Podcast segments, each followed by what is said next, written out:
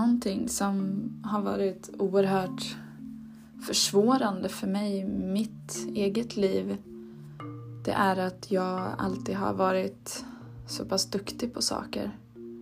Det är också en effekt kanske man kan säga av att ha den här personlighetstypen som jag har. Det finns en enorm kreativitet och en enorm inlärningsförmåga, eh, sociala förmågor. Eh, allt egentligen är möjligt.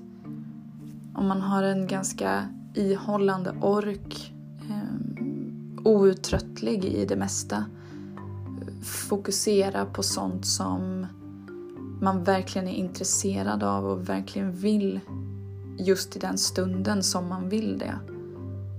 Det blir som ett eh, sjok nästan att nu har jag den här stunden med den här känslan och med det här intresset och man går 100% in. Och ehm, det blir oftast väldigt bra. Men sen efteråt så kan man ta ett break ifrån det hur länge som helst egentligen och motivationen kan nästan dö ut. Men förmågan finns där.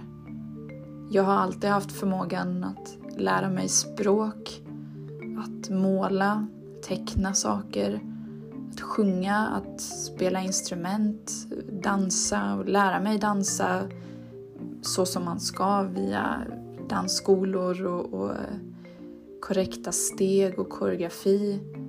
Jag har alltid kunnat skådespelat. Jag har gjort flertal modelljobb.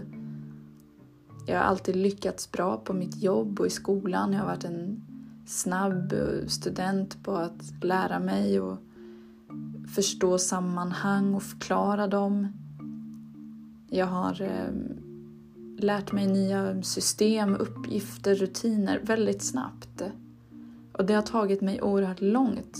Men det har också gjort att folk har sett mig som en högfunktionell individ och, och tror att du kan ju allt och för dig kan ingenting vara svårt. Men så fort man kommer hem och, och stänger dörren omkring sig och den här tystnaden uppstår så fylls jag av någon slags tomhet. Jag känner inte alls att jag har uppnått en massa saker. Jag kan inte alls känna att jag är sådär fantastisk som människor säger till och med till mig att jag är. Att jag är duktig, att jag är smart. Och sen kan det pendla till att jag är oerhört självsäker och verkligen vet det. Det är en evig kamp i det här som inte bara gör en förvirrad men som också utmattar en att ens försöka tänka på det och försöka förstå det.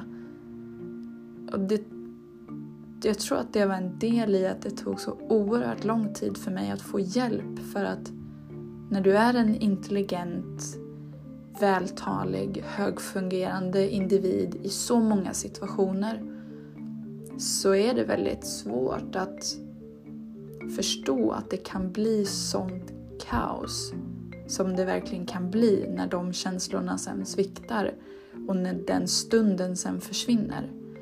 För då blir det tomt. Och skulle någon fråga mig då i den stunden, vem är du? Så kan jag inte svara på det.